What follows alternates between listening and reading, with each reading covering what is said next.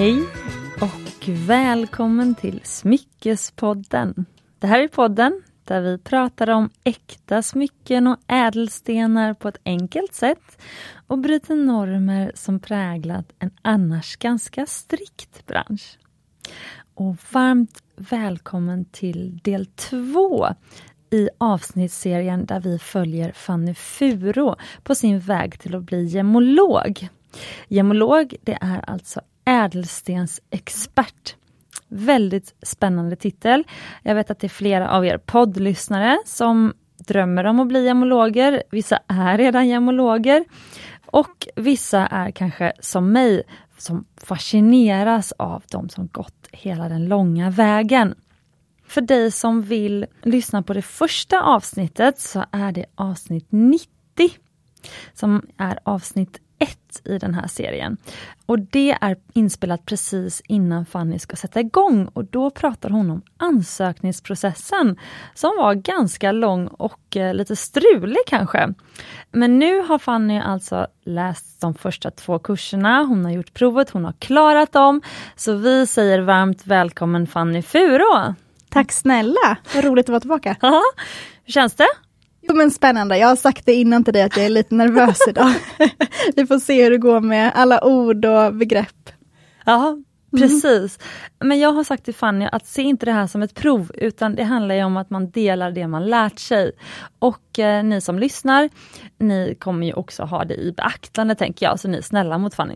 Ja men det låter bra. Och det här är ju superspännande och det är massa roligt som vi ska gå igenom idag så jag tror att det kan bli ett roligt avsnitt. Ja, och du har ju däremot förberett ett quiz till oss. Det stämmer, vi får se om det här flyger eller inte, men eh, ja, ett litet quiz. Får testa era kunskaper. Ja, det här är underbart för det här var Fannys eget initiativ. Så på slutet så kommer Fanny eh, ha ett quiz baserat på de två första kurser som ja, du har eh, läst nu. Mm, precis. Så vi får också bli lite minismyckespodd-gemologer alltså. Ja men exakt, så är det också lite grann det upplägget som mina egna prov har varit på. Ah, Okej, okay. mm. spännande. Jag glömde att säga det också, men för dig som vill, för det här kommer nog bli ett ganska nördigt avsnitt, gissar jag. Eh, så för dig som kanske nyss har börjat lyssna på Smyckespodden eller bara vill fräscha upp din diamantkunskap lite granna, så kan du lyssna på avsnitt 24 som släpptes faktiskt i juni 2021. Eh, och det är det stora avsnittet om diamanter. Och där går vi igenom grunderna kring de fyra scenerna och så vidare. Så det är ett jättebra avsnitt att lyssna på. Men för dig som nu är redo att eh, lära dig ännu mer och även för dig som kanske också bara vill eh, hoppa rätt in i det avancerade så tänker jag att vi kör igång. Vad säger du Fanny? Jättekul, vi kör!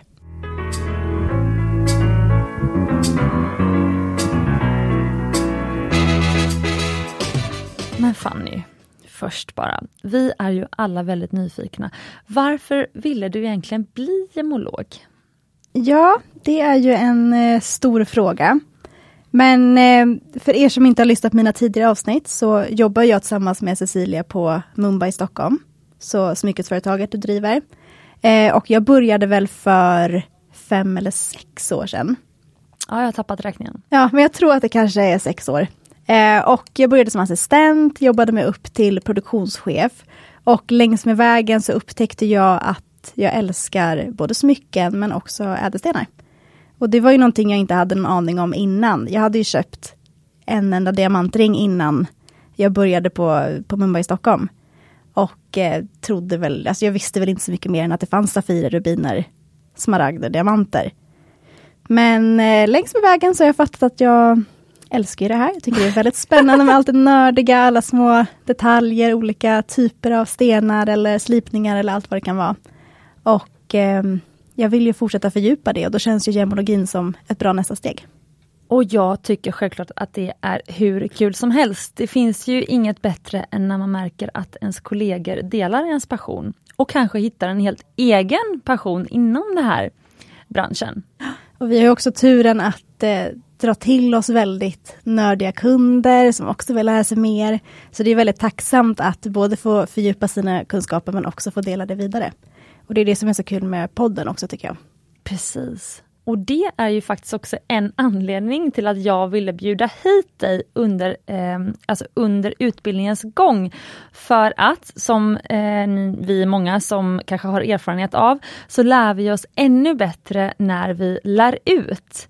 Så Fanny har nu den här möjligheten att eh, utbilda oss alla och eh, hur känns det Fanny, är du nervös? Ja men du sa ju i början där att jag inte ska se det här som ett prov. Men det blir nästan det, för jag har ju redan hunnit glömma massa grejer och jag har ju fått fräscha upp en del. Så därför var det ju bra med det här quizet också, och se om se vad, sammanställa lite frågor.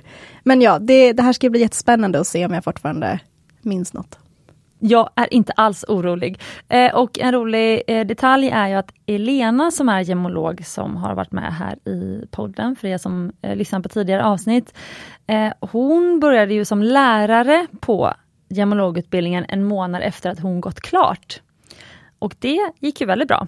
Men Fanny, berätta om de här två första kurserna som du nu har gått. När var de och eh, när skrev du provet? Och berätta! Ja men absolut, så att jag har gått de två grundkurserna som heter Colored Stone Essentials, så grunderna i färgstenar, och Diamond Essentials, så grunderna i diamanter. Eh, jag har gått de här under våren och sommaren, så sent på våren och under sommaren. Och blev klar med Colored Stone Essentials, ja, kan det ha varit juli kanske? Och eh, Diamond Essentials nu i början av september. Och det är på distans? Det stämmer bra, så allting är onlinebaserat än så länge. Och lite senare så kommer vi gå in på fysiska möten också. Men det är väldigt begränsat. Men ja, det är onlinebaserat. Och eh, man sköter det mesta själv än så länge.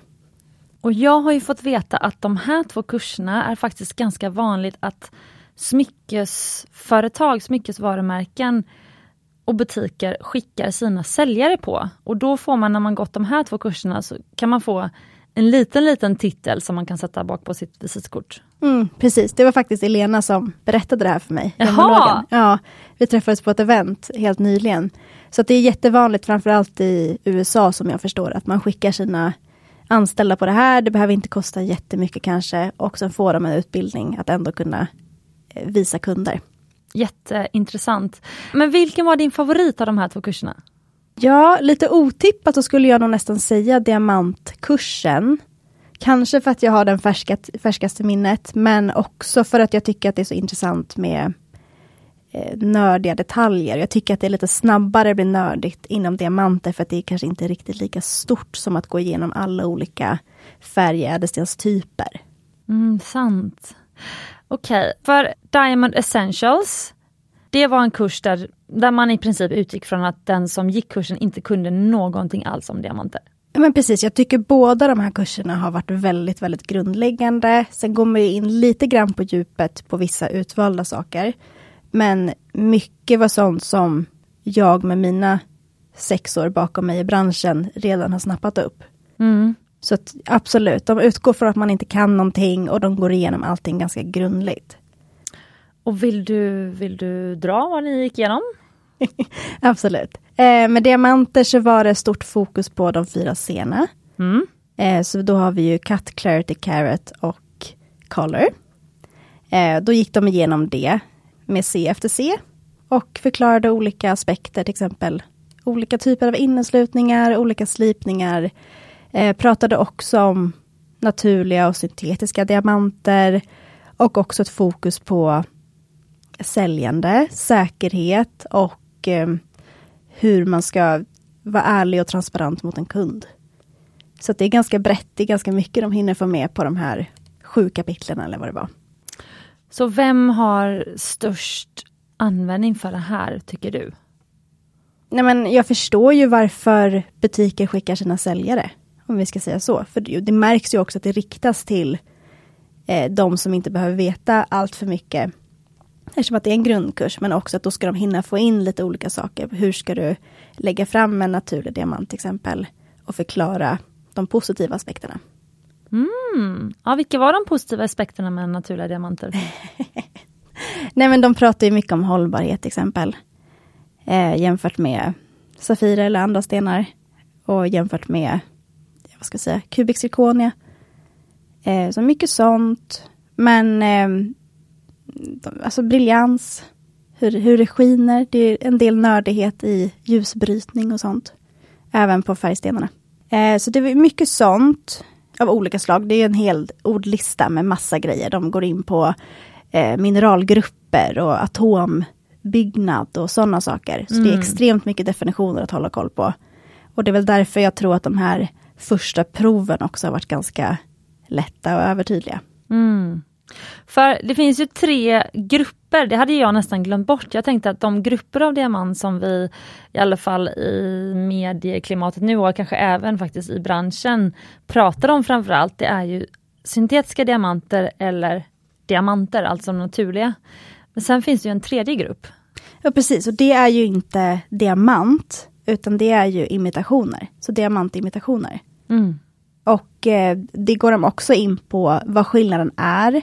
En syntetisk diamant har ju samma atomstruktur, alltså samma uppbyggnad som en naturlig diamant. Så att den matchar ju i väldigt, väldigt stor utsträckning en naturlig diamant i utseende eh, och även hårdhet och så. De är ju praktiskt taget identiska. Men imitationerna, det kan ju vara en kubik zirkonia. Det pratar de om är supervanligt. Eh, och då går de också in på, det här visste inte jag till exempel, att kubik zirkonia är nästan alltid syntetisk. Mm. Den finns i naturen men då är de så små. Så att de inte liksom, funkar i smycken, det blir för litet. Eh, men även moisanit som vi pratade om, jag tror att det var senast jag var här, så gick vi in på moisanit. Eh, de är också syntetiska av samma anledning och numera så marknadsförs ju de som ett alternativ till diamant snarare än en imitation. Mm. Så det har ju blivit som en egen eh, kategori på marknaden. Efter att ha gått den här första kursen nu då, när tycker du att det är användbart med diamantimitationer? Jag tycker ju att det finns en ganska stor del av marknaden som inte vill ha en diamant av olika anledningar. Kanske att det fortfarande hänger kvar att det är väldigt eh, oetiskt. Eller att man tycker att priser är så upphåsade, att det är lite för överhypat om vi pratar ungdomsspråk. Eh, medan man kanske vill ha då en eh, bicolored safir, en tvåfärgad safir. Eller en moisanit för att det är någonting annat. Så jag kan ändå köpa att man, man inte vill ha en diamant av olika anledningar. Då vill man hitta något annat på marknaden. Och då är det väl superbra om man kan hitta en vit Safir som tidigare har varit eh, kallats för imitation ofta. Eller hittar en moisanit. Okej, vad intressant, för det var det jag undrade. Jag trodde att imitationer, eller när jag ser framför mig en imitation, så är det alltid liksom en fejkad sten som är gjord för att den ska se ut som en diamant. Men man har alltså kallat vita safirer även för diamantimitationer. Ja, enligt GIA i varje fall, genom tiderna. Eh, men det har ju också med, jag tänker popularitet att göra, att moisaniterna var ju tänkt som en eh, imitation från början. Men numera är det liksom en sten i sig. Så den har en egen plats på, på marknaden.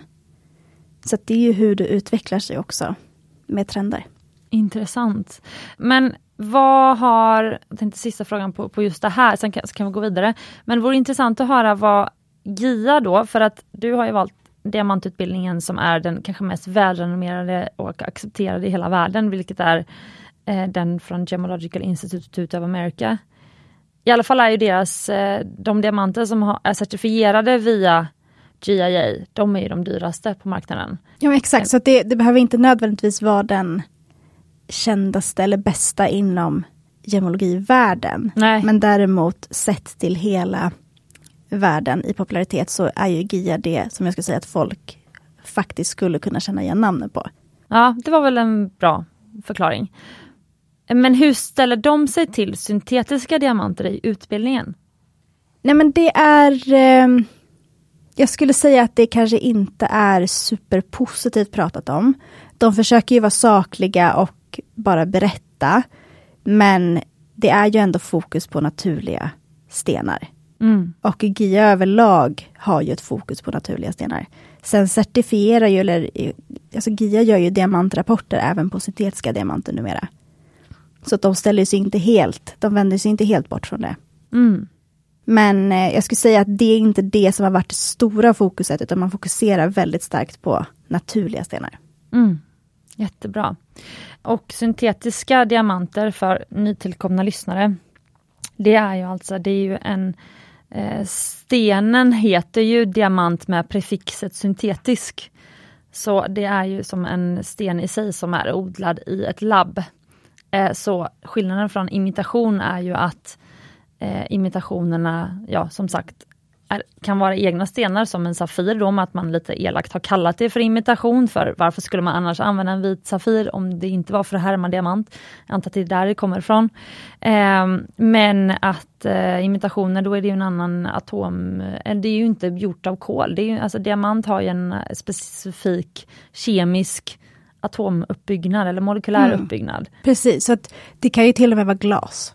En imitation kan vara glas. Ja, ja, Precis, den men, ska bara se ut som. Ja men precis, men syntetiska liksom man-made diamonds, de efterliknar ju, det är ju en diamant i strukturen. Ja, kemiska strukturen. Mm. Bra! Sen så var det ju väldigt spännande för att du har ju beskrivit nu för mig off mic om olika inneslutningstyper och slipningar som du har lärt dig. Det här tyckte jag var jättespännande. Vill du berätta? Absolut, och ni får bara håll till godo nu för att kursen är på engelska.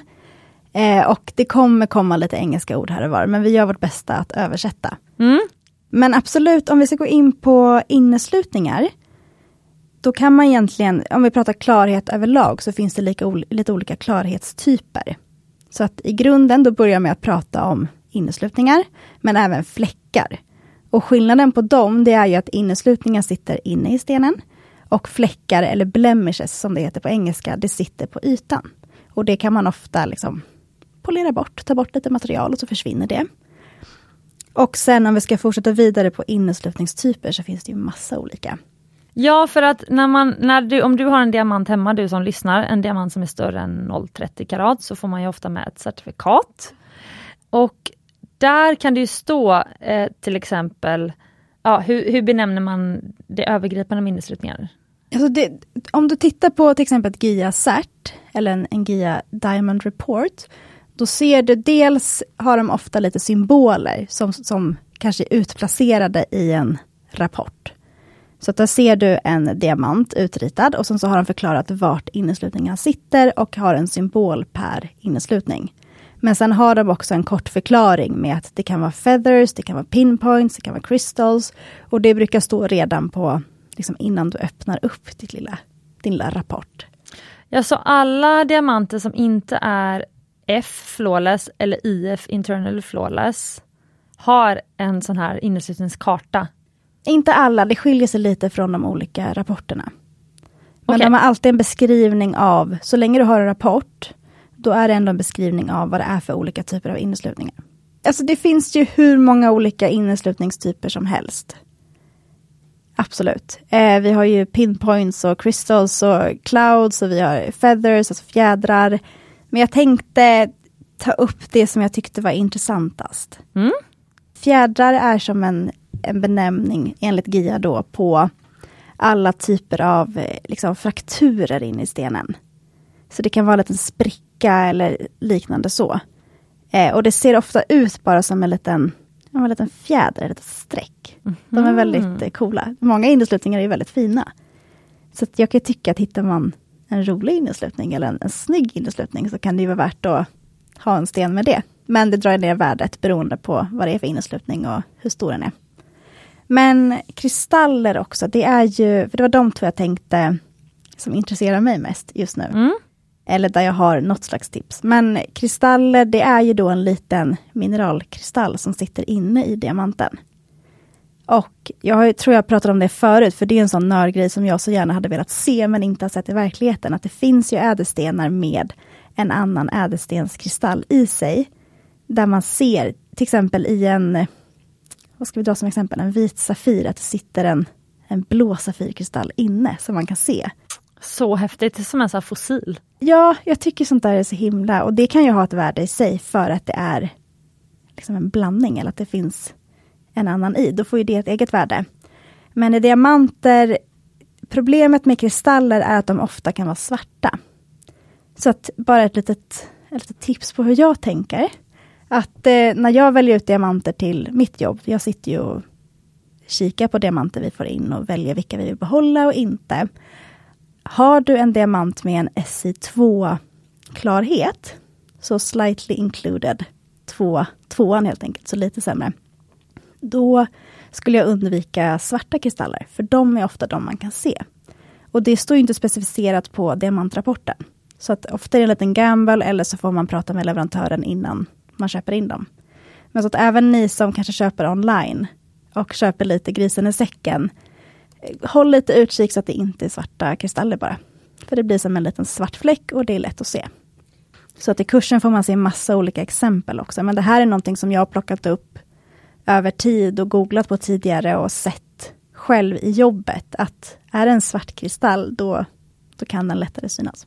Mm. Eh, men i min värld så låter det då som att för att diamanter är ju i princip kol.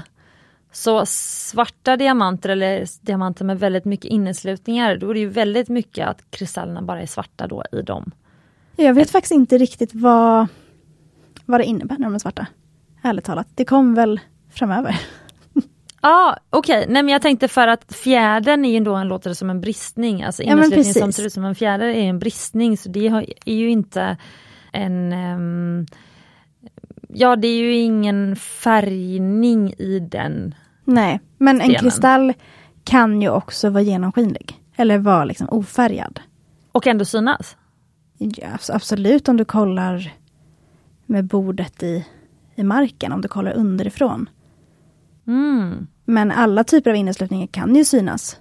Absolut, och med lupp så ser man ju dem. Men eh, det är just att de här kristallerna med färg, eller som är svarta, de tycker jag syns tydligare när du kollar ovanifrån på mm. diamanten. Intressant. Så det är ju liksom, det här är ju samlingsnamn på inneslutningar som kan se ut på alla olika sätt. Och det pratar ju utbildningen mycket om också, att det som är fantastiskt, även med diamanter, ingen har ju precis likadana inneslutningar. Så de blir ju ändå unika på sitt sätt. För du sa att det fanns eh, inneslutningar som kallades för moln också? Jo, men och det, allt det här är ju beskrivningar, clouds. Det ser ut som, det är en liten samling av ett litet kluster som då ser ut som ett litet moln. Fint. ja, men jag tycker fjäder låter fint också. Ja, verkligen. Okej, okay. och slipningar. Mm. Eh, det här tyckte jag var spännande. Eh, vad har du lärt dig inom slipningar? Ja, men det här var ett stort fokus i kursen. Och där går de igenom dels då såklart briljantslipningen, stegslipningar, till exempel smaragdslipningen. Eh, men sen går de också in på diamantens delar. Och briljantslipningen, där har jag ju koll sen tidigare på vad de olika delarna heter. Och det här kommer vara lite grann med i quizet sen, om, får vi se om ni har koll. Men eh, jag fick lära mig något nytt där, att markiser och eh, päron till exempel, de som vi kallar för droppar. Mm. De har ju en spets i formen. Och då, det betyder att de har lite andra delar. Så deras slipning har lite fler namn än vad rund har. Så att om du tänker en, eh, en, en, ett päron slipad, så den är formad som en droppe. Då är det en spets ner till och sen är den rundad uppe. Mm. Där uppe den är rundad, där har den shoulders, alltså axlar. Och ner mot spetsen, på vardera sida om spetsen, så sitter en vinge. För hur är en briljant uppbyggd? En briljant har ju, tittar du från sidan, så har du ju nere i spetsen, det är kuletten. Man kan tänka den blå diamantemojin. Ja, ja, precis. Den blå diamantemojin, det är ett toppenexempel. Så då har du ju kuletten längst nere. Det är lilla spetsen. Ja, spetsen. Mm. Ja. Sen pratar de ju mycket om facetterna. Det är alla de här vinklarna, platta vinklarna som sitter som gör att ljuset kommer in i stenen, studsar runt, runt, runt och sen går det ut igen. Mm, så det finns ju massa facetter på en, en sten. Det är ju all, ja, precis. Mm, precis. Eh, sen har du ju görden. Det är själva midjan på stenen.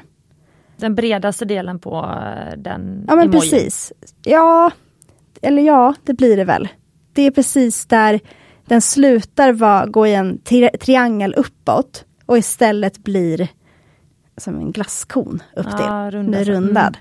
Mm. Eh, sen har du ju bordet upp till. Så det är den platta delen. Så, så bordet är om du tittar på din diamantring uppifrån? Precis, så den platta delen du ser upp till. Eh, sen finns det ju massa liksom, små tjotahejsan hit och dit. Men eh, bara om vi liksom sne, kollar från sidan så, så. Så vi har kulett, vi har gördel och bordet. Och bordet. Är Sen det bara vi, de ju också, tre? vi har ju också kronan blir det väl på svenska. The crown.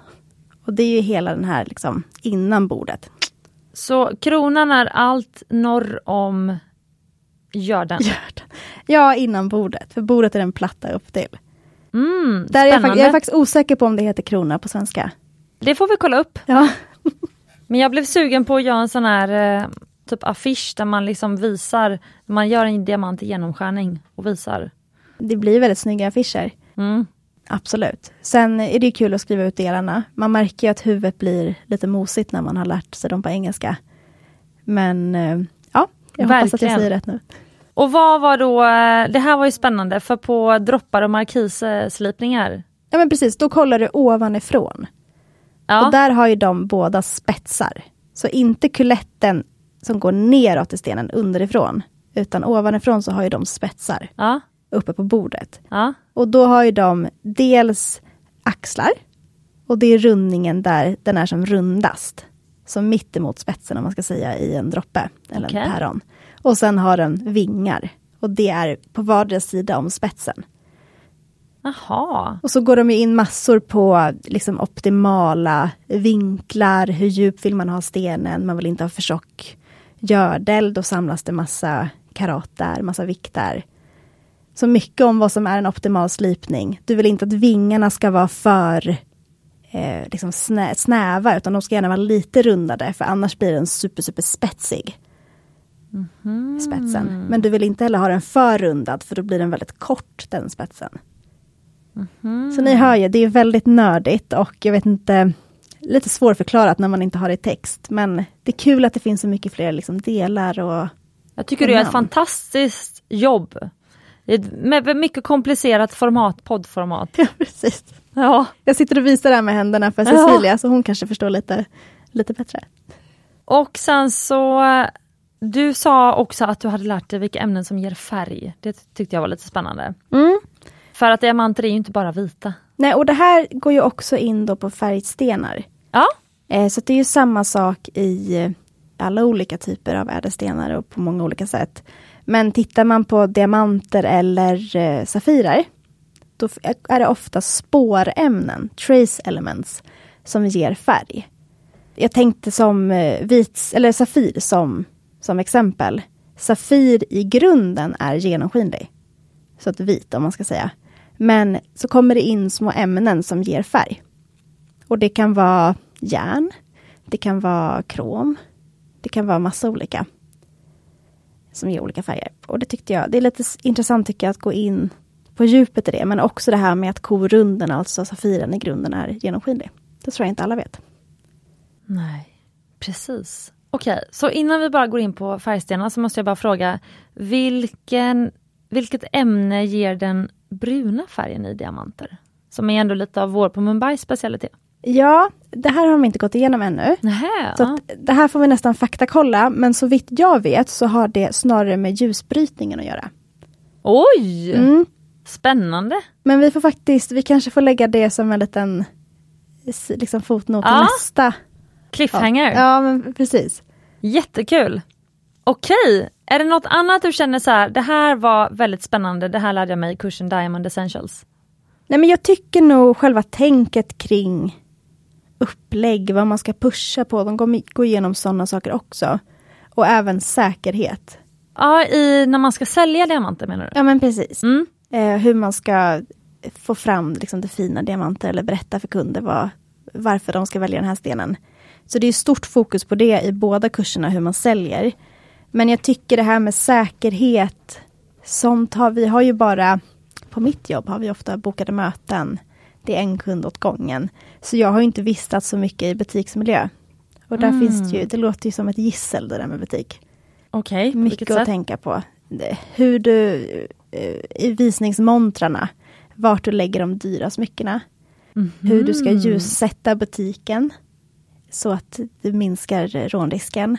Vad, vad du ska tänka på med scammers som kommer och liksom ska byta ut till en replika eller sådana grejer. oj. Så det är massa att tänka på. Men det här med att sälja diamanter, eh, för hur... Om du skulle ge, nu sitter det ju säkert flera som lyssnar som säljer diamanter, eller det vet jag att det gör, eller säljer diamantsmycken. Har du några tips som du fick lära dig i utbildningen där? Alla har ju inte möjlighet att gå den här JA-utbildningen. Nej men att ändå läsa på om de fyra scenerna.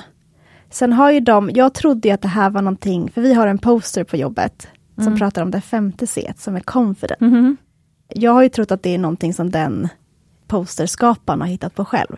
Men GIA tar ju också upp det. Mhm. Så att det finns en femte C och det är att du lär dig de här grejerna så bra att du kan prata självsäkert, du vet vad du snackar om.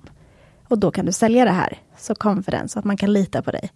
Mm. Och det är väl mitt tips att försök, det finns ju Google, jag har lärt mig massor på Google eller genom att prata med kollegor.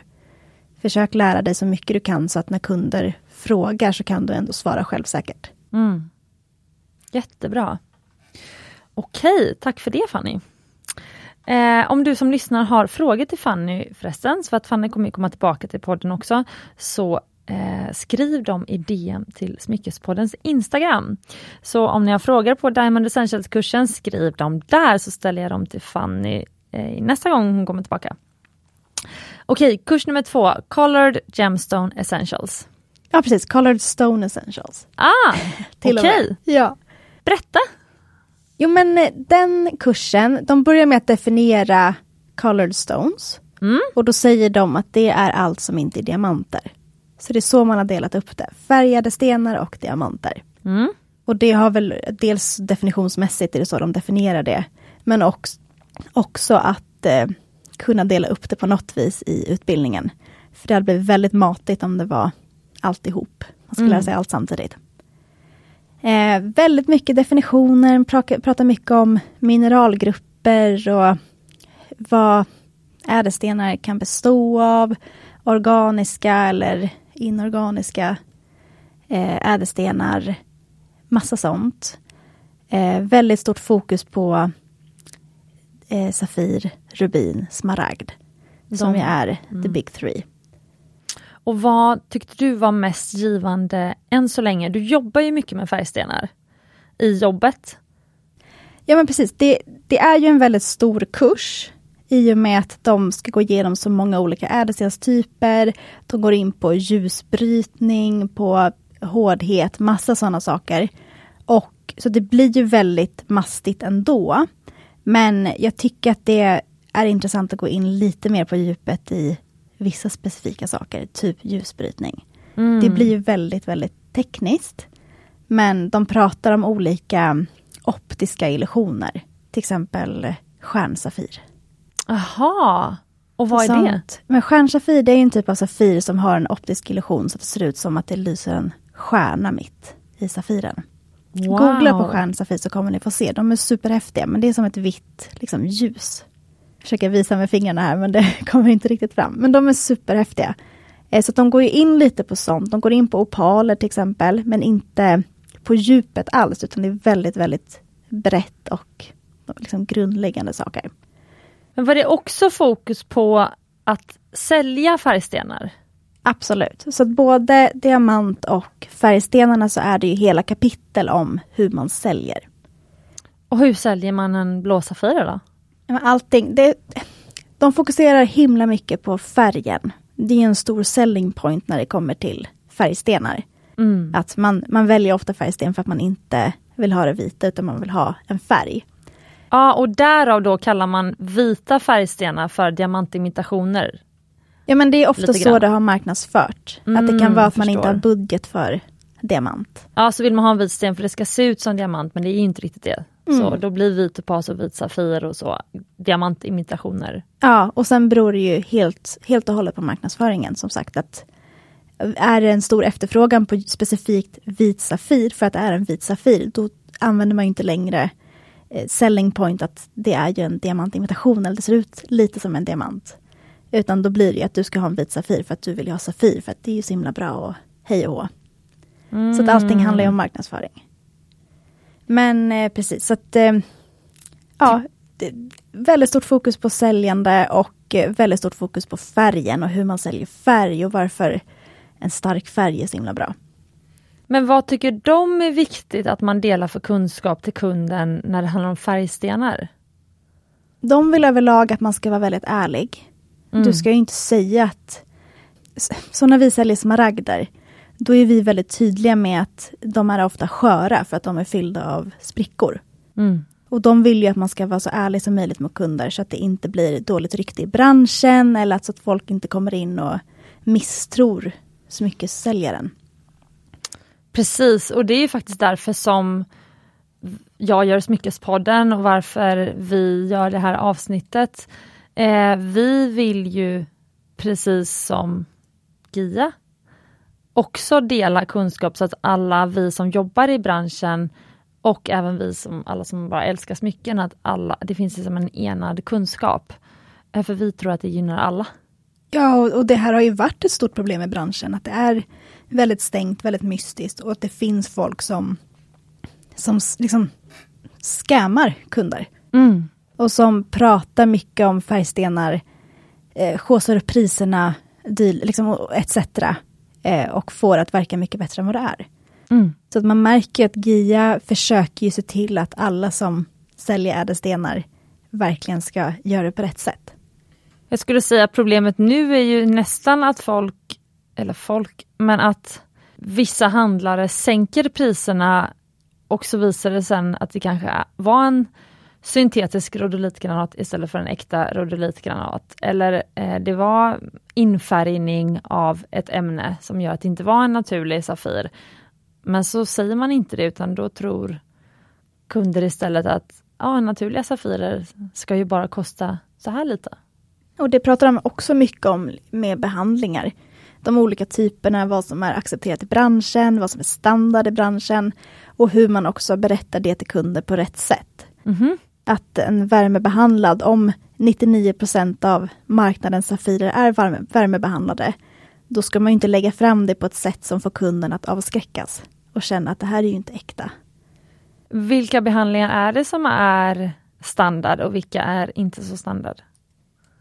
Det är väl lite definitionsfråga, men det finns ju färgning av ytan. Det är ju inte, tycker jag, ett schysst sätt att sälja stenar. Där det kommer skavas av efter några år eller försvinna vid tvätt. Men sen har du ju eh, värmebehandling. Det är ju superstandard. Det finns strålbehandling också. Väldigt, väldigt vanligt i många stenar.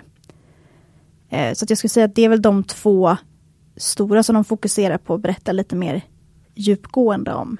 Men de pratar också om till exempel färgning. Men finns det vissa stenar som i princip alltid värmebehandlas, som inte går att köpa utan att de är värmebehandlade? Jo men till exempel Safirer är ju väldigt, väldigt, jag tror att det är typ 99% eller om det är 98% av marknaden som är värmebehandlade. Så att det är så himla standardiserat. Sen finns det ju olika, jag vet vi har ju köpt Safirer tidigare i Mumbai som bara värmts över en eld på ett gammalt traditionellt sätt. Och det har ju en charm i sig. Så det finns ju massa olika processer och liksom varianter och nivåer inom det. Med värmebehandling står det ingenting om behandling så får man anta i Safirer att de är värmebehandlade. Mm. Vilka färgstenar skulle du bara så här efter första kursen, var, eller kommer du vara lite mer extra vaksam över när du köper in? Smaragder skulle jag säga. Där är det ju vanligt med oljebehandling. Att man, och det är också väldigt standardiserat, att man oljebehandlar för att oljan tränger in i stenen och döljer sprickorna. Och det är mm. branschaccepterat. Men det finns andra versioner där du kanske fyller med plast. Eh, eller dylikt. Och, alltså, vissa av de här kan ju påverka stenen negativt. Om du glasfyller en sten och sen värmer upp den, då smälter glaset. Mm. Ja, alltså smaragd överlag kan jag tycka är lite trixigt eftersom att den har så mycket sprickor och att man alltid vill dölja det. Mm. Någon mer sten? Inte på rak arm sådär. För gick ni igenom topaser, morganiter, akvamarin? Knappt, så det, ah, har, okay. det har knappt. De nämner turmalin ibland men de går inte in på djupet alls. Ah, Okej, okay. så det är i princip rubin, safir och smaragd? Precis, så okay. det är fokuset i den här kursen. Och när de nämner andra, då är det ofta för att förklara ett, ja, men ett ljusfenomen. Eller för att Mm. förklara vilka som ofta har den här behandlingen eller vilka som har funkat som invitationer till exempel. Så det, har, det är väldigt stort fokus på de stora tre. Det som är lite synd bara när de då eh, nämner de andra typerna av färgstenar mest i termer av att ja, ljusfenomen eller jag kan tänka mig inneslutningsfenomen. Eh, då, nu nämnde du stjärnsafir. Finns det någon mer sån inneslutningsfenomen som de har tagit upp? Mm. Så att, de pratar ju om opalers ljus. Där Mm. går de in lite grann på det. Sen är det några andra, jag minns inte sådär eh, på rak arm vad det är de diskuterar. Nej, utan när det kommer till inneslutningar så är det mycket smaragd.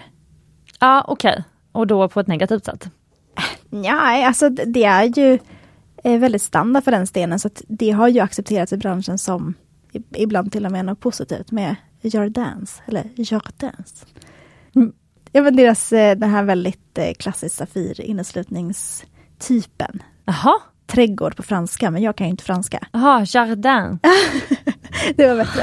Vi pratade ju om, eh, du får säga det, toi et moi ringen Ja, idag. toi moi. ja, vi håller på att göra en toi moi-ring eh, i, eh, på Mumbai då. En sån här dubbel.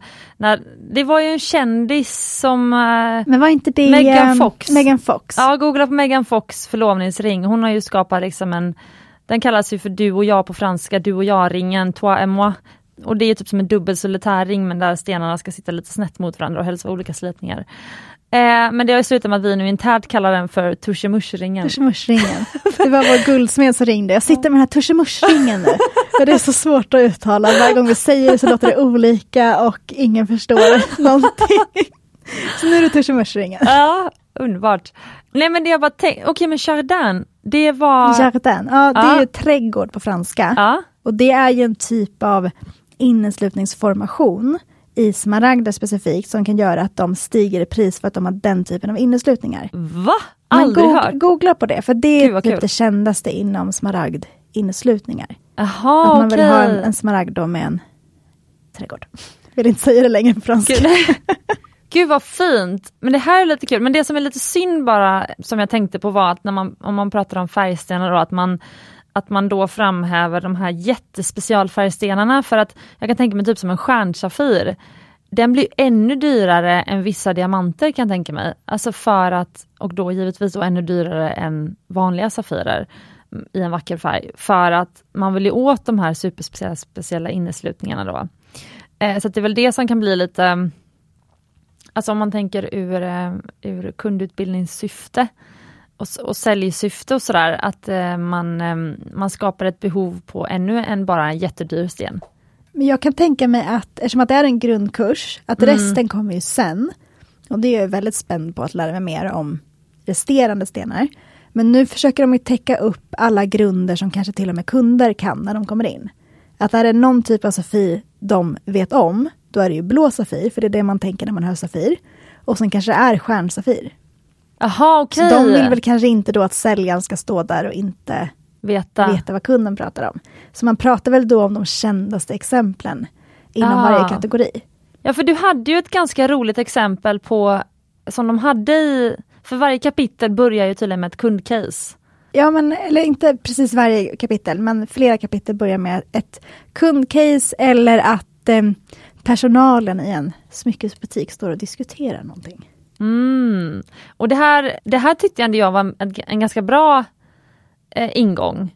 För att man ska ändå känna att det finns en relevans för, alltså jag som har en, alltså en universitetsutbildning i, i liksom mycket mer abstrakt, kan ju känna så här, gud vad härligt med bara massa konkreta exempel. Jo, Så. men de, det är ju himla tydligt hela tiden att de försöker föra konversationen åt ett visst håll så att du ska lära dig någonting och lära dig hur du ska hantera de här olika situationerna. Precis, men det var ju en ganska rolig, han, som kom in och skulle ha en blå Safir, som var ett kundcase. Ja, men eh, vad var det du tyckte var roligt med det funderar jag på. För att det var ju då en man som ska komma in och köpa ett blått, blå Safirhalsband till sin fru. Men så visste han exakt att han skulle ha en Royal Blue Safir. Ja men precis, och hela, den här kursen fokuserar ju mycket på blåa safirer. Mm. Så att det är inte så mycket snack om de andra färgerna. För safirer kommer ju i regnbågens alla färger. Det nämns, men sen går man in specifikt på blåa safirer. Mm. Så vart har man genom historien ofta hittat blåa safirer? Vad har de för värde? Eh, vilka liksom, inte jättemycket toner, men liksom de kändaste tonerna. Så att det är jättemånga sådana exempel där man ska, eh, liksom cases, där den här kunden kommer in och vill köpa den här stenen, berätta varför den är bra. Så det är ett helt kapitel. Och då är det ju rubiner, blåa safirer, smaragder. Så varför är en Royal Blue Safir bra Fanny? Det är en väldigt vacker färg, fokuserar vi mycket på. Det är väldigt bra hårdhet. Eh, och allt sånt här går de igenom, så att hårdheten, färgen, klarheten, det går de igenom i både diamant och färgstenskurserna. Mm.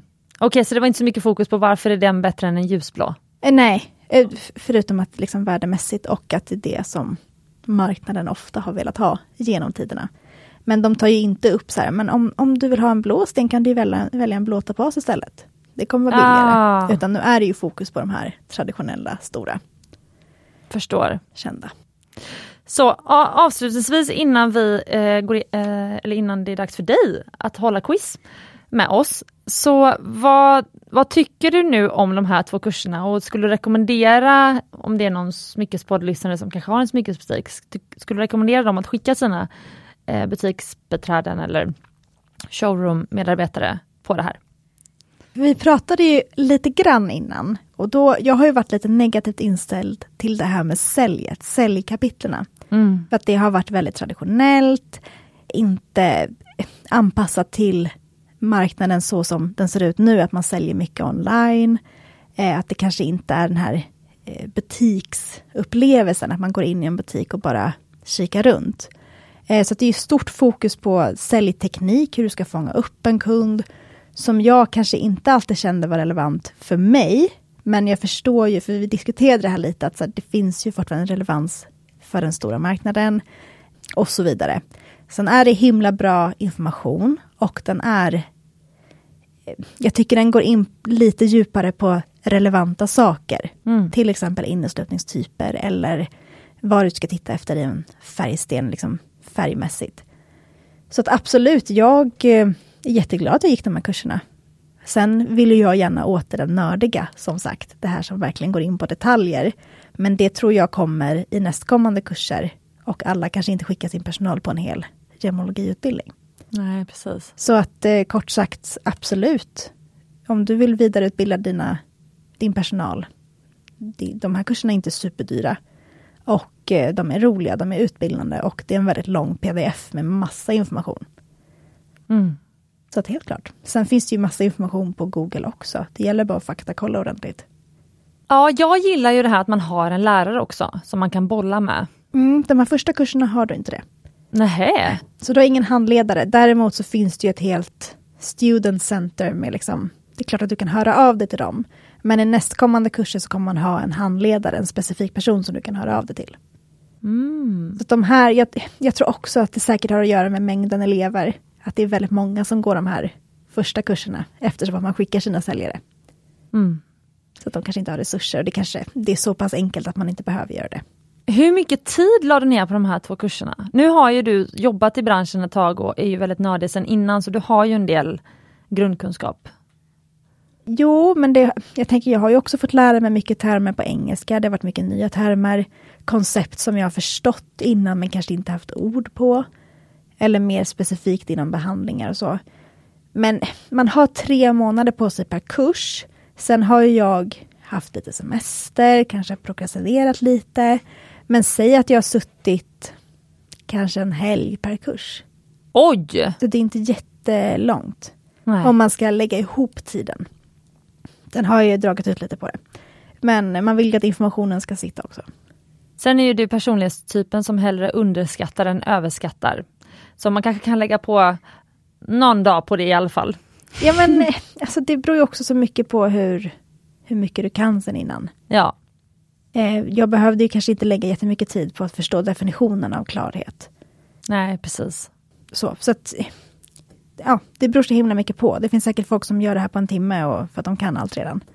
Eller tre veckor. Ja, eller tre månader. Mm, Ja. Precis. Ja, härligt. Men då ska vi nu byta.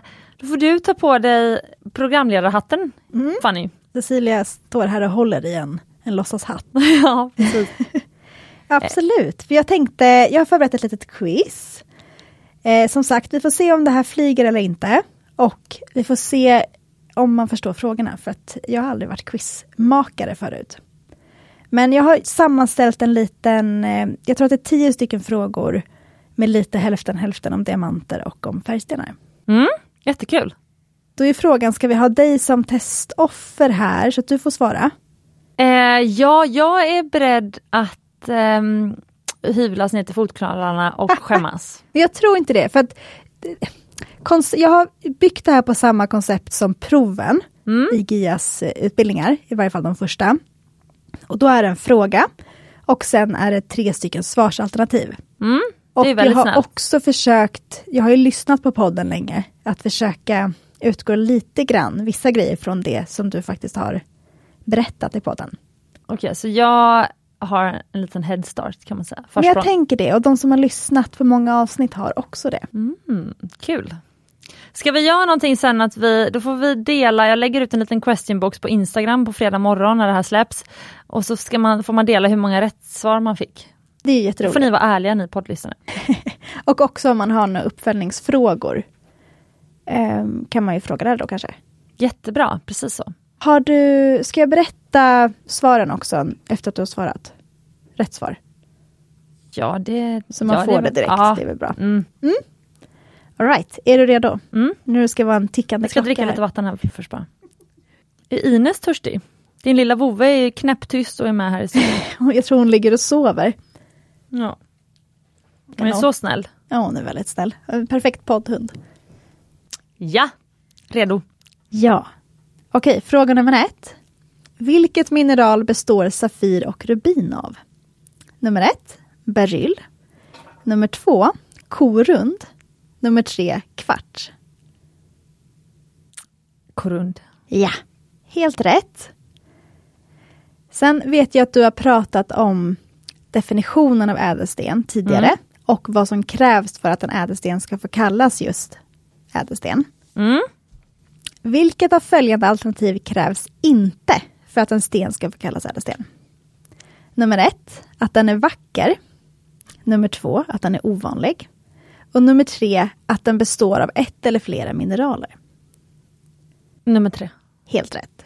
För att, för, för att få kallas en ädelsten så måste stenen vara vacker, ovanlig och ha en bra hållbarhet. Ja, precis. Och vara tillräckligt hård för att slipas och fattas i ett smycke. Ja men precis, håll, hållbarhet. Ja, precis. Alltså hårdhet, hållbarhet. Mm. Ja, det är sant. Mm. Helt cool. Men, men jag måste ändå bara, om vi nu ska vara väldigt petiga här. Visst, nu är du pågående eh, gemolog här, eller eh, vad heter det? mm, Gemologist in training kallas det väl? Ja, Ja. Så hållbarhet är ju inte lika med hårdhet. nej men precis. Nu försökte jag översätta här. De kallar det durability. Ja, Eh, jag försökte göra en bra översättning så skulle det bli tydligt, men precis att det jag menar är att den, den ska hålla för användning, den ska hålla över åren. Så att den ska Mm. se vacker ut. Därför kan man inte säga att marmor. Ja, exakt. Marmor är en ädelsten för att den håller inte, även om den är vacker och kanske inte helt vanlig, det vet inte jag. Så att de har ändå de här tre kraven så att du inte ska kunna ta vilket material som helst och kalla det ädelsten. Nej. Mm. Men så att den ska ha en bra durability. Mm. Fråga nummer tre då. Vad ger blå Safir dess färg? Är det nummer ett kväve, nummer två krom eller nummer tre järn och titan? Jag är inte säker, men eftersom att krom är det som gör att korun blir röd, så det blir rubin, så antar jag att det är kväve. Tyvärr inte, det är järn och titan. Jaha! Mm. Wow! Sen är det bara järn så ger det en viss färg, är det bara titan så ger det en viss färg. Ha, då har jag två av tre rätt. Men jättebra. Jag kväve, det gav någon färg i diamant, jag minns inte vilken. Mhm. Nu sitter någon gemolog där ute och hoppar på stolen. Det är det här, det är det här! Jag kommer veta nästa gång. Ja. Eh, vad innebär hårdhet, det vill säga hardness, i en ädelsten? Är det ett, hur tålig ädelstenen är mot repor? Nummer två, hur tålig en ädelsten är mot slag? Eller nummer tre, hur tålig en ädelsten är mot kemikalier? Nummer ett. Precis. Så hur den tål repor. Det är det här som Mohs hårdhetsskala är baserad på. Mm. Undrar vilken kurs den kommer i? Ja, men de har redan gått igenom det lite grann. Okay. Eh, och de andra, för det finns ju saker som mäter alla de här tre alternativen. Du har ju stability, stabilitet, som mäter hur den motstår, motstår temperaturförändringar, kemikalier. Sen har du ju hårdheten, som hur den står mot repor. Och sen har du toughness, hur den eh, klarar slag och hur den klyvs eller flisas. Mm. Så det finns ju olika saker som mäter olika grejer i ädelstenarna.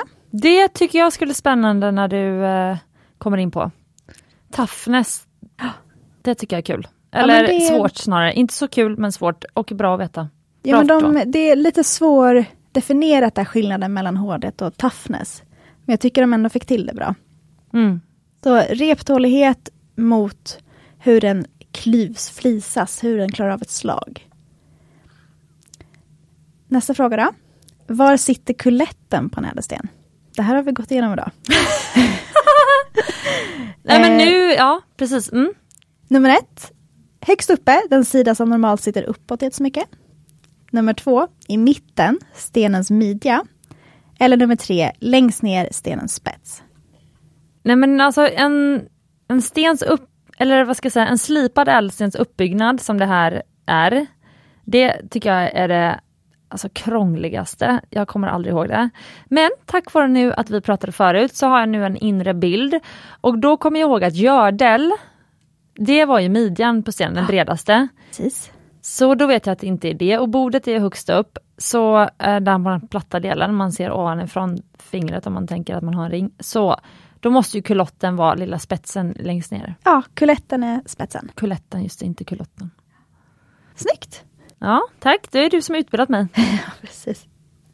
Diamanter kan brinna. Burn, skriver de. Vid vilken, vid vilken temperatur ungefär brinner de? Va? Är det 1. 500 grader? 2. 1500 grader? Eller 3. 850 grader? Men vad då brinna? Ja men eh, så här. När diamanten utsätts för den här temperaturen då blir de ofta vita och grumliga. Och det är ofta ytan, så att har man tur så kan man slipa bort det och göra om stenen. Och det kan hända redan vid, eh, nu kanske jag avslöjar här temperaturer. Nej, inte det än. Jag kommer inte säga några temperaturer, men det kan Nej. hända redan vid en storleksändring med den öppna lågan hos guldsmeden. Så att jag tror till och med, jag tror inte vi kan fånga det på bild, men jag har på mig en ring där jag tror att några har blivit brända. Och fått lite dusty, liksom dimmiga på ytan. Ja, och det kan till och med se ut så, som att de är smutsiga. Så att guldsmeden kan stå och försöka liksom, få bort det. Men det är att den har brunnit. Så det blir en vit, grumlig, de beskriver det som cloudy. Okej, målning. då har jag två grejer på det här. För det första ska jag svara på frågan och sen ska jag dra ett exempel från en kund faktiskt, med Ah. grön turmalin. Men eftersom jag har gått en, eftersom guld, alltså jag har gått en emaljeringskurs och där smälter emaljen ungefär vid, emalj är ju som små små glaspartiklar som blir som en flytande färg när den smälts. Och eh, då smälte emaljen vid typ 725 grader ungefär. Eh, jag vet att guld har en smältpunkt på 1093 grader tror jag. Och eh, lod, när du löder ihop någonting med guld, alltså för du vill ju inte råka smälta din guldring när du ska löda ihop delar. Så att lod, som är limmet som man använder i guldsmide, eh, det har ju en lite lägre smältpunkt än vanligt guld. Men jag vet inte vad det har för smältpunkt, men jag hade faktiskt ändå gissat att diamant bränns då eller det måste ju vara vid 850 grader för annars smälter guldet. Stämmer jättebra. Ja, ungefär ska sägas. Eh, men det är det de drar, så att ungefär 850 grader. Mm. Eh, och då blir det ju inte att diamanten puff, liksom försvinner. Utan det är att den bränns. De kallar det för burn, alltså brinner. Ja, för det jag nämligen har för mig är att man kan emaljera även stensatta. Alltså om det är en diamant i så kan man ändå stoppa in den i emaljeringsugnen om du ska lägga någon emalj på något diamantsmycke tror jag. Mm, det är väldigt spännande. Ja men då, det måste ju vara under 800 grader då. Men vet du, kommer du ihåg vår kund som hade en grön turmalinring som hade lämnat den till någon guldsmed på rengöring sa hon. Mm. Och efter det var den helt förstörd på ytan. Jag minns det jätteväl. Ja, kan det ha varit så att det kanske faktiskt, den guldsmeden kanske skulle göra en storleksändring och råkade liksom bränna turmalinen så den blev helt matt. Och... Det låter ju som ett väldigt nybörjarmisstag. Det man gör det är att man täcker ju in stenarna på något sätt så att de inte ska kunna brännas. Ja, man stoppar dem i sand eller så, men om man inte gör det... Ah, nu är det lite... Nu har jag, jag, jag, jag, har ju, jag har ju absolut aldrig varit så på den nivån själv inom guldsmide. Så, men jag, det jag har lärt mig av våra guldsmeder är ju i alla fall att det, du måste vara ganska duktig för att klara av att storleksändra en Alltså du behöver inte vara en helt nybörjare för att misslyckas med att storleksändra en sten som redan har en färg, eller en ring som har en färgsten i sig. Nej men eh, guldsmide överlag för mig är ju det ett, ett mysterium och de är fantastiskt duktiga. Eh, och ofta är det just att det som ser cleanast och enklast ut kan ju vara, super, alltså, kan vara det allra svåraste. Alltså många duktiga guldsmeder upplever jag ändå kan tacka nej till vissa jobb där de känner så här, det här vill inte jag riskera. Mm. Så han borde ha tackat nej den här, jag tror jag för mig Ja, ja, killen, den här precis. guldsmeden, det han borde gjort är att tackat nej istället för, han, för att han inte hade kunskap om turmaliner. Mm, exakt. Alright, ska vi köra nästa fråga? Mm. Vilket av följande alternativ är ovanligast bland diamanter? Okej, Nummer ett, gul diamant. Nummer två, röd diamant. Eller nummer tre, brun diamant. röd. Det stämmer bra. Det är eh, en av de ovanligaste av alla diamanter. Och även en av de dyraste. Det finns extremt få. Är det också krom som gör att diamanter blir röda? Det är jag faktiskt osäker på. Det gick de inte igenom nu, men ehm, ja, det är frågan. Vi kan kolla upp det. För det är väldigt spännande för att rött är ju den färg som är svårast att hitta bland ädelstenar. Ja, precis. Och även rubiner är ju ofta väldigt dyrt. Men de kan ju inte alls mäta sig mot röda diamanter. Nej. Och de, de är otroligt vackra. De har så himla snyggt sparkel och när de får till den där djupt, vack, djupa vackra röda färgen. Det är svårt. Rubiner menar du? Eh, Diamanter. Har du sett en röd diamant? Inte i verkligheten. Nej. Nej, nej, nej. Det kan jag bara drömma om tror jag. Det hade varit något. Men snyggt. Det var Mm. helt rätt. Nästa fråga då. Mm. Många diamanter de uppvisar fluorescens Mm. när de utsätts för UV-strålning. UV-strålning. Och det visar sig ofta som ett ljus från diamanten. Vilken färg har normalt fluorescensen? Är det nummer ett blå, nummer två grön eller nummer tre röd? Jag vet bara om den blå. Och det är den vanligaste. Mm. Men enligt GIA då så kan de även lysa vitt, gult, orange. Men hur ser man fluorescens? För jag har ju aldrig sett det alltså på riktigt om man säger. Nej, I beror, ju, vanligt dagsljus. det beror ju på hur stark fluorescensen är hos stenen. Eh, så att det har en super, super, super stark, absolut. Det är ju UV-strålning i solen. Men vanligast är det att man kollar i mörker, berättar de, med UV-strålning mot stenen. Och då ser man att den Mm. lyser, men liksom i ett mörkt rum. Så Snyggt. är det någonting man behöver vara rädd v- Vad tänker du om fluorescens på diamanter? Alltså vi har ju regel på Mumbai Stockholm undvik fluorescens. Mm. Så att jag har inte stött på det riktigt. Ehm, men jag vet ju att det är väldigt många som tummar på den aspekten eller inte ens känner till den aspekten. För att det inte känns så himla noga. Mm. Utan man, jag träffade till exempel en, en granne som väldigt stolt berättade att han det var viktigt för honom att hans briljantslipade sten skulle vara excellent på alla parametrar, så det skulle vara en XXX. Diamant. Så toppslipning, men fluorescens det, det var inte viktigt för honom. Så att liksom allting har ju att göra med budget och vad man själv känner är viktigt. Mm. Men nej, överlag inte stött på det så mycket så det ska bli spännande att se fluorescerande stenar framöver. Mm.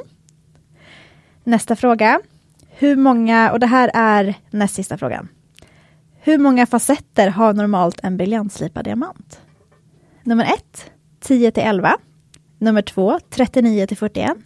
Eller 3, 57 till 58. Det här vet jag faktiskt, för att jag har ju skrivit en eh, briljant slipningstext. Så 57 till 58. Stämmer helt korrekt. Jag har också lärt mig ditt sätt att göra quiz. Ja, Det är ofta den sista som är rätt. nej men jag har försökt sätta dem, det här har jag tänkt efter noga, jag har försökt sätta dem. Men ja, det är nog, nu, jag ser det nu, att det är fler som är den sista än första eller mitten. Vad roligt. Okej, nu då. Hur mycket väger en karat? Nummer ett, 0,2 gram. Nummer två, 2 gram. Eller nummer tre, 0,65 gram. Den här var enkel. 0,2. Jag tänker vi ska sluta lätt. Helt Det- rätt! Ja, den här kan nog många smyckespoddlyssnare. Ja, men det kan jag tänka mig. Men, ehm, Ja, eller hur? Det, alltså, det är lite så här proven är uppbyggda. Så att ofta kan man svara bara man har någon slags eh, grundkunskap innan. Ja, förstår. Men sen är det också många som går in lite mer på djupet, kanske lite mer specifikt om definitioner eller eh, behandlingar eller så. Ja, okej. Då får vi se om någon smyckespoddlyssnare lyckades få 10 av 10. Mm. Jag, lyck- jag fick Spännande. 9 av 10. Ja, det fick du va? Mm. Snyggt. Men ehm, jag har ju lite fusk också eftersom jag har fått, fått prata så mycket i podden.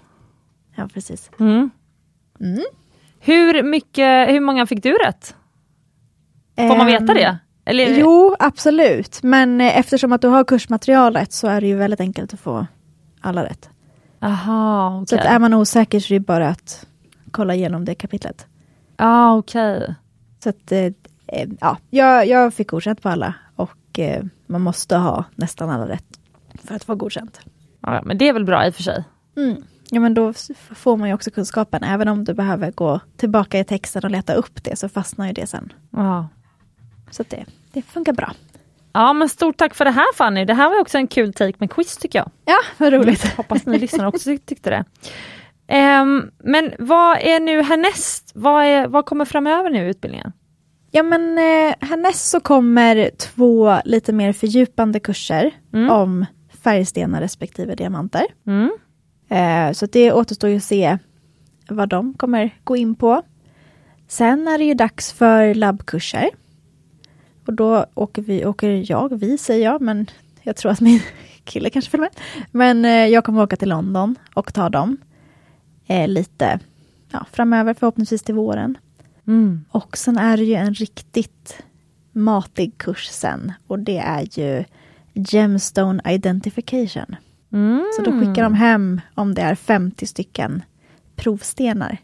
Då ska- måste man ha alla rätt. Så man ska kunna identifiera olika saker i stenen och identifiera vad det är för ädelsten. Eh, och alla ska vara rätt. Så den har jag hört är den klurigaste. Det här låter ju sjukt spännande. Men det sista Elena, gemologen, sa till mig när, innan vi sa hej då, det var när du kommer till den kursen, hör av dig till mig för jag är en riktig fena på att identifiera. Oj, vad Det är kul! väldigt bra att man känner folk. Men det blir två kurser då som du tar i höst? Ja men eh, det är planen. Mm. Sen får vi se hur eh, stora de är. Det är alltid svårt att veta innan, framförallt när det är på distans och eh, egen studietakt. Precis. Eh, men så förhoppningsvis då så kommer det ett, ett del tre avsnitt, kanske innan jul i alla fall. Ja men vi kan ju sikta på det. Så Mm. får jag mm, skämmas om jag inte hinner. Är det någonting som du vill eh, dela med dig av eller eh, tipsa om eh, nu efter den här första, första kurserna som vi inte har tagit upp? Ja men eh, på det här med kunskap och om man vill lära sig mer. Eh, GIA, Gemological Institute of America, de har ju också supermycket information på sin hemsida. Som Mm. är tillgänglig för alla. Så att är du nyfiken och vill fördjupa dig på någonting, gå in där och sök. För det finns hur mycket som helst. För finns det någon bok som man kan köpa som ni har använt som studiematerial till exempel? Nej, men än så länge så har de inte rekommenderat böcker. Som, vissa videos har de rekommenderat om man vill, men det har varit ganska få. Mhm. Det mesta vi har utgått från det är deras kursmaterial. Men jag vet att på nästkommande kurser då kommer det också finnas eh, extra tips på extra läsning. Mm. Så att när de böckerna kommer så tipsar jag gärna vidare. Kul! Ja, nej men tack så jättemycket eh, för att du tog dig tid att komma hit. Och för att du delade, att du vågade också. Det är ju lite, jag förstår att det är nervöst när man liksom precis ska, eh, är inne i utbildningen. Ja, gud. Men nu jobbar jag på femte set som det är confidence. Mm. Härligt! Det är en rolig del av processen, tänker jag. Att testa sina kunskaper. Precis. Och eh, du som lyssnar, eh, hoppas du har eh, lärt dig, att du har blivit inspirerad och att du ser fram emot nästa avsnitt med Fanny där vi får följa hennes resa. Eh, och om du blir själv sugen på att gå en eh, gemologiutbildning så lyssna som sagt gärna på avsnitt 90. Eh, där berättar också Fanny lite om hur hon tänkte när hon valde eh, att gå utbildningen som just GIA erbjuder. För det finns ju fler gemologutbildningar där ute. Det är ju en utbildning som man inte behöver ha någon bakgrundserfarenhet eh, av. Det är ju ingen sån universitetsutbildning eller högskoleutbildning där du måste ha tagit vissa gymnasiekurser. Utan ehm, du får höra helt enkelt i det avsnittet hur du gör. Men eh, vem som helst med ett stort intresse kan göra det. Så det är väldigt demokratiskt. Mm. Och med de orden så önskar vi er en fortsatt härlig dag och glöm inte att du är värd äkta smycken och ädla stenar.